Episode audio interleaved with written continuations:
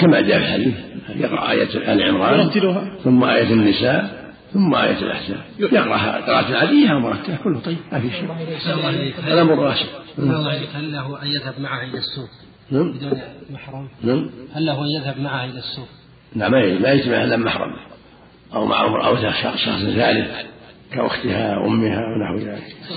لا يخلو بها كان يشتري لها ذهب أو هدايا؟ نعم. كان يشتري لها ذهب أو هدايا؟ لا يخلو بها لا يصلح. طيب هل تقهوي في المجلس لحاله؟ هل تقهوي في المسجد إذا كان معهم ثالث ما يخلو. بدون محرم؟ إذا كان معهم ثالث ما يخلو. أمها ولا أختها ولا خالتها. ما ورد أن علي بن أبي طالب عمر بن الخطاب رضي الله عنه كشف عن شخص من كلثوم يروى يروى لكن ما يصح. هو ما يصح الله حديث يعني يكفي الوجه واليدان يكفي الوجه واليدان. وين الراس ما في باس الراس قد يحتاج إلى رؤيته حديث النبي صلى الله عليه وسلم أبغض الحلال إلى الله الطلاق يا شيخ. لا باس حديث جيد هل الذي يعيد النظره اذا يعني ما يثبت أبغى لا ثانية لا لا تثبت. الله إليك. صح في الحديث أن النبي صلى الله عليه وسلم بعث أم سليم قال انظري إلى عرقوبها وشمي معاطفها. ما أتذكر حاجة. ما أتذكر حاجة. الله إليك. حديث محمد بن والبنات. نعم؟ قال بالرفع بالبنين وزاد بالبنات. لا ما لا يقول بارك الله لك وعلي يترك صفة الجاهلية. يترك ترك الجاهلية. يقول بارك الله لك وعليك وجمع بينكما في الخير. بس يكفي. خطبة الحاجة أحسن عملك واجبة في العقد ولا بسنة؟ سنة مستحب النبي صلى الله عليه وسلم في قصة المرأة الواهبة زوجها بدون خطبة قال لما خطب جاءه سأل يخطبها قال التمس ولو خاتم فلم يجد قال زوجتها ما أكل من القرآن ولم يكن خطبة. لو كان خطيب أعطوني صورتها بس لا ما يجوز. التصوير ما يجوز. ما يجوز التصوير. إذا كان التجميل يخدع التجميل خدع كثيرا من الشباب. وتوهب. لا وجهها مو مغير تجميل في الثياب بس. وإذا غسلت وجهها وحطها لا بأس. الله يسلمك. الأصباغ أحسن الله إليك. يعني أصباغ تغير البشرة. والشكل. لا تغير تغير شكل. اللي يغير ما يجوز لهم يدلسون. أقول له ما يجوز لهم يدلسون.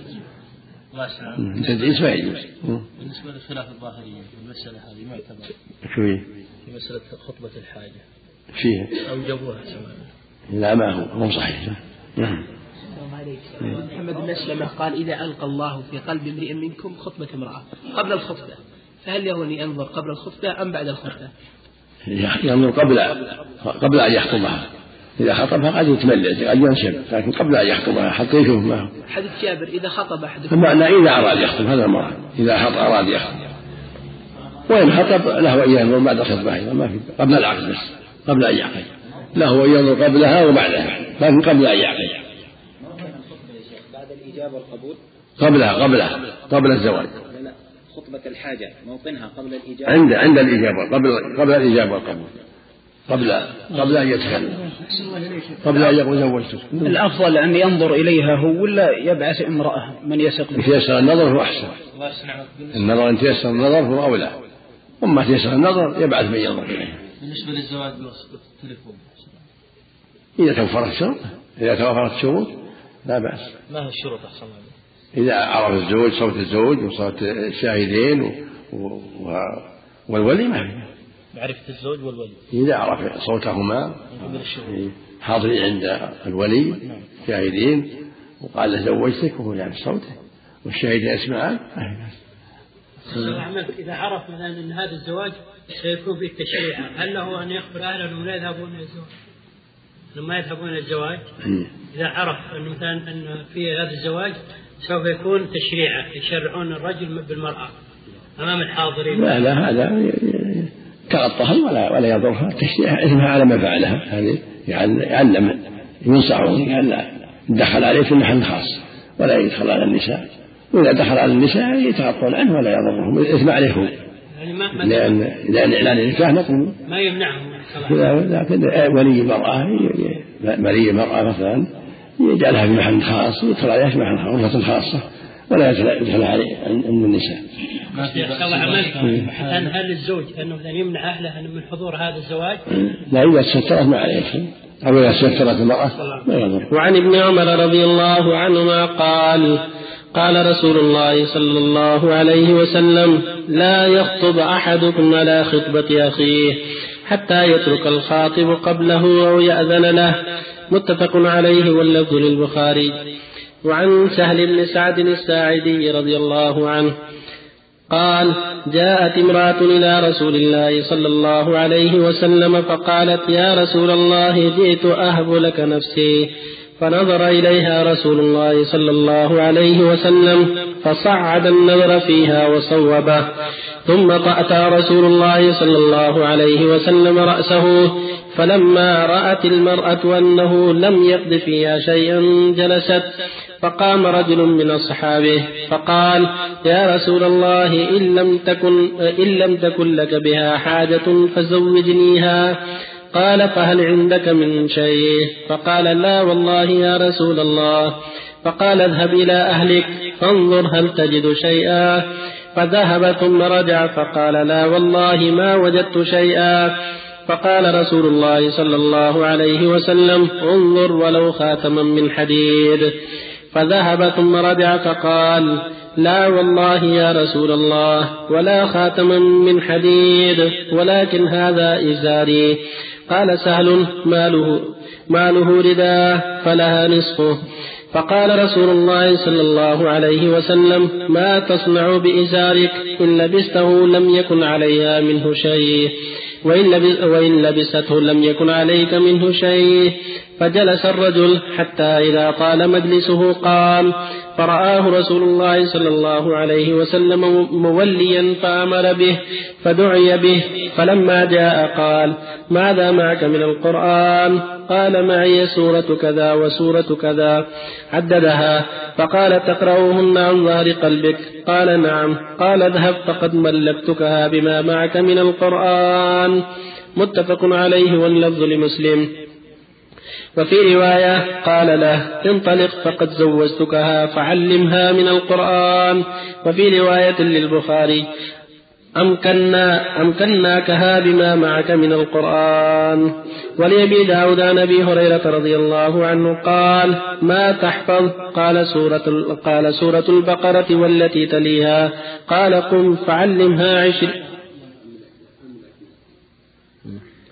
وفي رواية للبخاري أملكناكها بما معك من القرآن. ولأبي داود عن أبي هريرة رضي الله عنه قال ما تحفظ؟ قال سورة البقرة والتي تليها. قال قم فعلمها عشرين آية. وعن عامر بن عبد الله بن الزبير عن أبيه رضي الله عنهم أن رسول الله صلى الله عليه وسلم قال أعلنوا النكاح. رواه أبو داود وصححه الحاكم.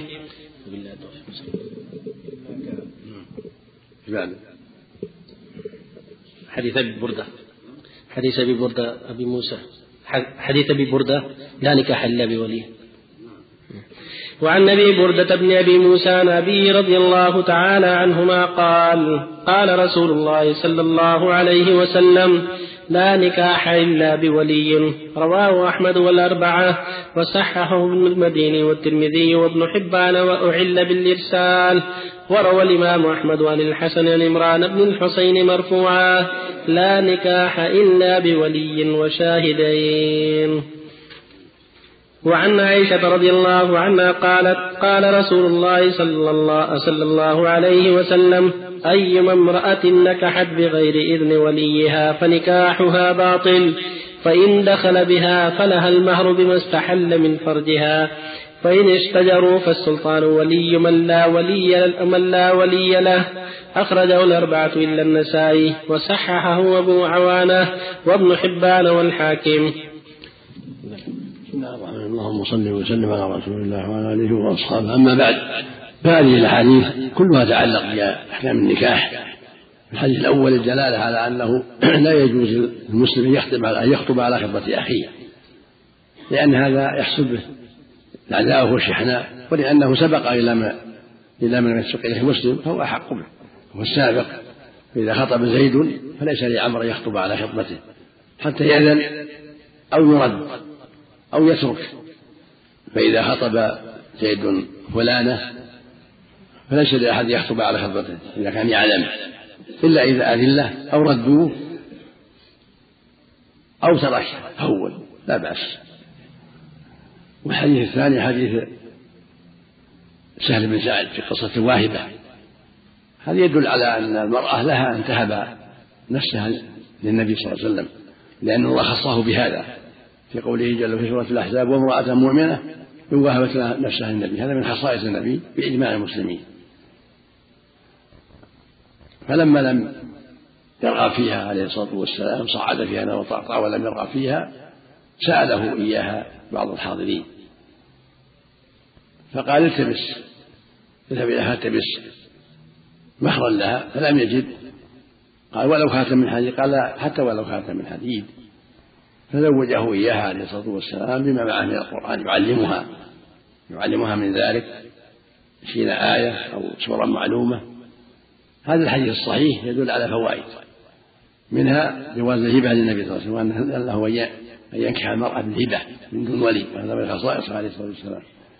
ومنها أنه كان يجوز في أول الأمر عدم الحجاب ثم شرع الله الحجاب ولهذا صعد النظر فيها ونظر فيها وكان هذا قبل الحجاب ثم أمر الله بالحجاب حجاب المرأة. وفيه من الفوائد أنه يجوز النكاح ولو على مهر قليل. ولا أن تبتغوا بأموالكم لا يلزم أن يكون مال كثير. المال ولو قليل ولو دراهم قليلة ولو خاتم من حديد ولو خاتم من فضة. المال يشمل القليل والكثير. فإذا زوج المرأة على عشرة دراهم على مئة ريال على خاتم ذهب على خاتم فضة على خاتم من حديد ورضيت جاز ذلك ولو بالقليل. وفيه من الفوائد جواز النكاح بالتعليم.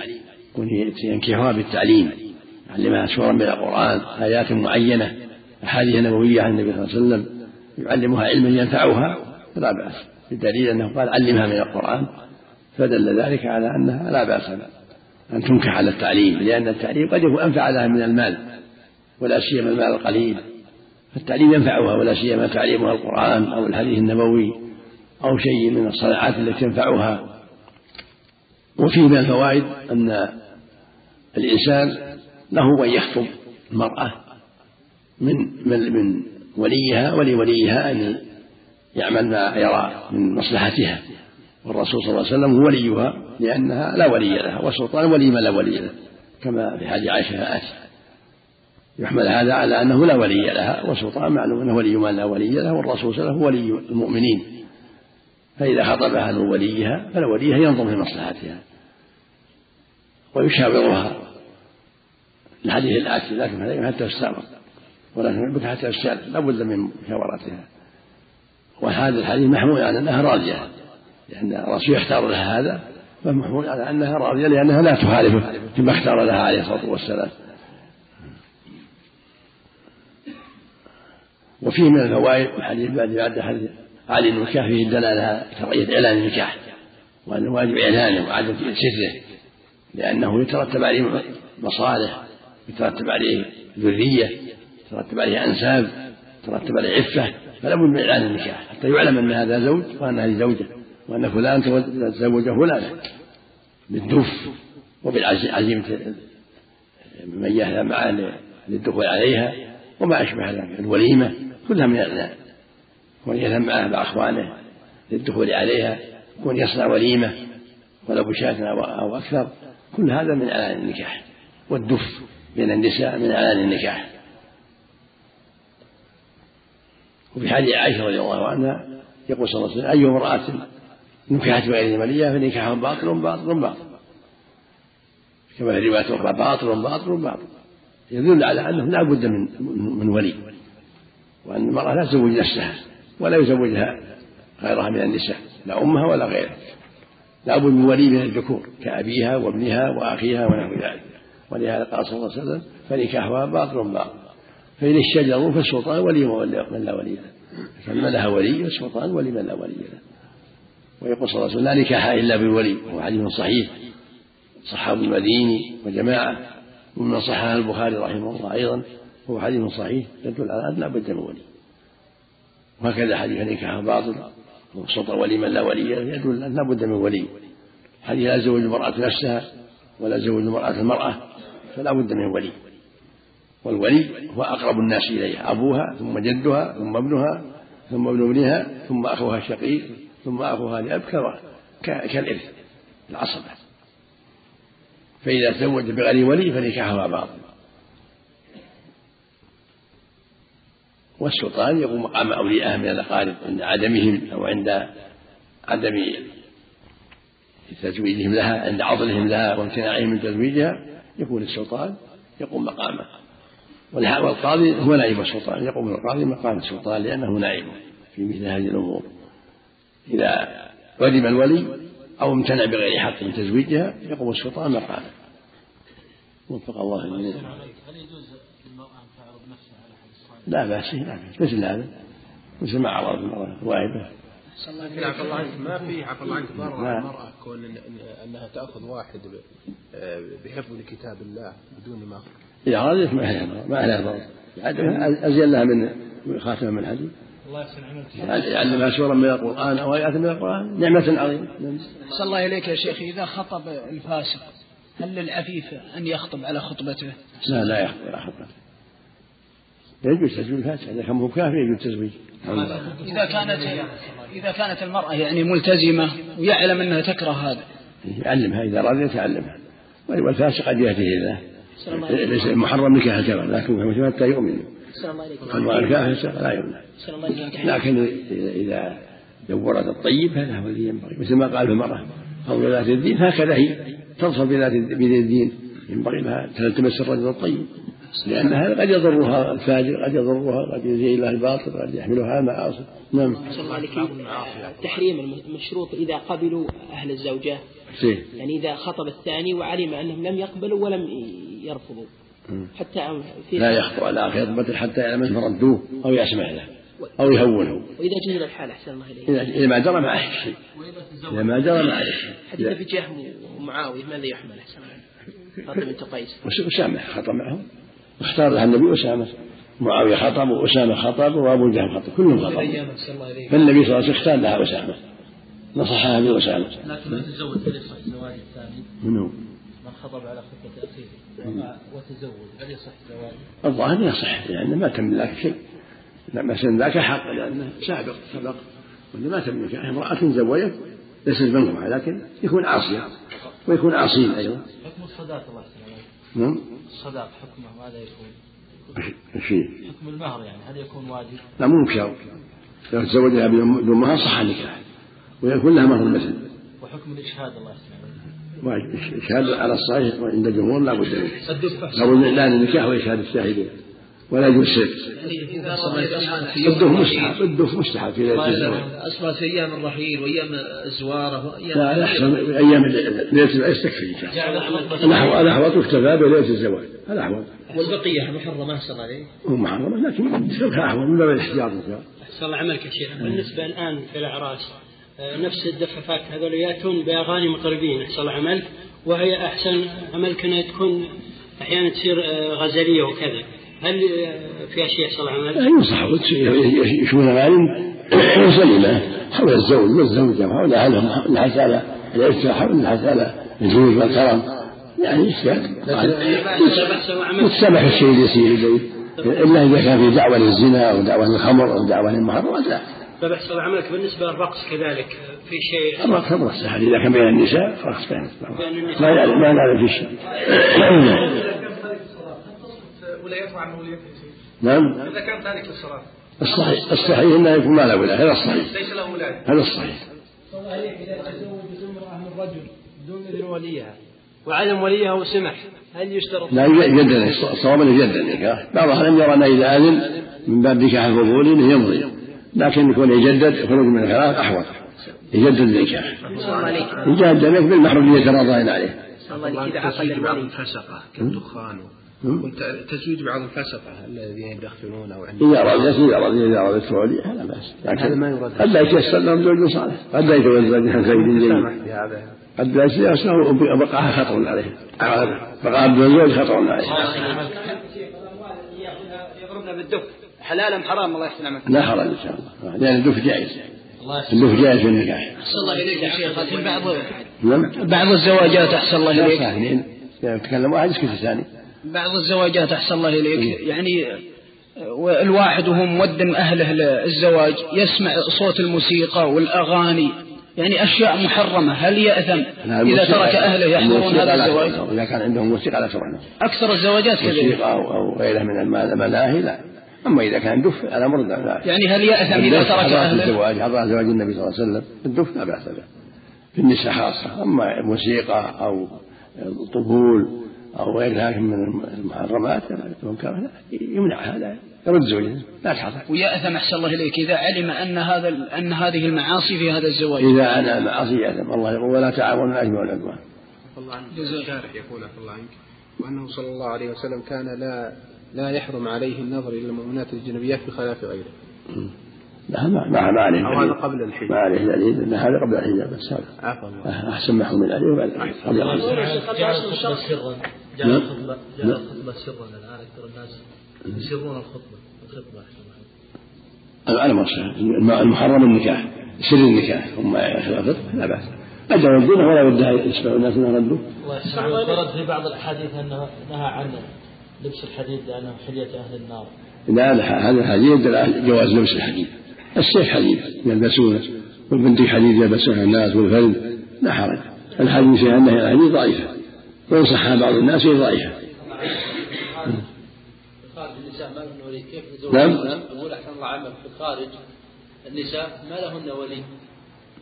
وليهن القاضي كان في مسلم في مسلمة. وإذا كان في دولة مسلمة رئيس المركز الإسلامي يقوم مقام القاضي. رئيس المركز الإسلامي إن شاء الله يقوم مقام أو رئيس الجمعية الإسلامية كان عندهم جمعية إسلامية. حتى لا تعطل. وعن أبي هريرة رضي الله عنه أن رسول الله صلى الله عليه وسلم قال لا تنكح الايم حتى تستأمر ولا تنكح البكر حتى تستأذن. قالوا يا رسول الله وكيف اذنها قال أن تسكت. متفق عليه. وعن ابن عباس رضي الله عنهما قال أن النبي صلى الله عليه وسلم قال الثيب أحق بنفسها من وليها والبكر تستأمر وإذنها سكوتها. رواه مسلم. وفي لفظ ليس للولي مع الثيب أمر واليتيمة تستأمر. رواه أبو داود والنسائي وصححه ابن حبان. وعن أبي هريرة رضي الله تعالى عنه قال قال رسول الله صلى الله عليه وسلم لا لا تزوج المرأة المرأة ولا تزوج المرأة نفسها. رواه ابن ماجه والدار قطني ورجاله ثقات. وعن نافع عن ابن عمر رضي الله عنهما قال نهى رسول الله صلى الله عليه وسلم عن الشغار. والشغار أن يزوج الرجل ابنته على أن يزوجه الآخر ابنته وليس بينهما صداق متفق عليه. واتفقا من وجه آخر على أن تفسير الشغار من كلام نافع.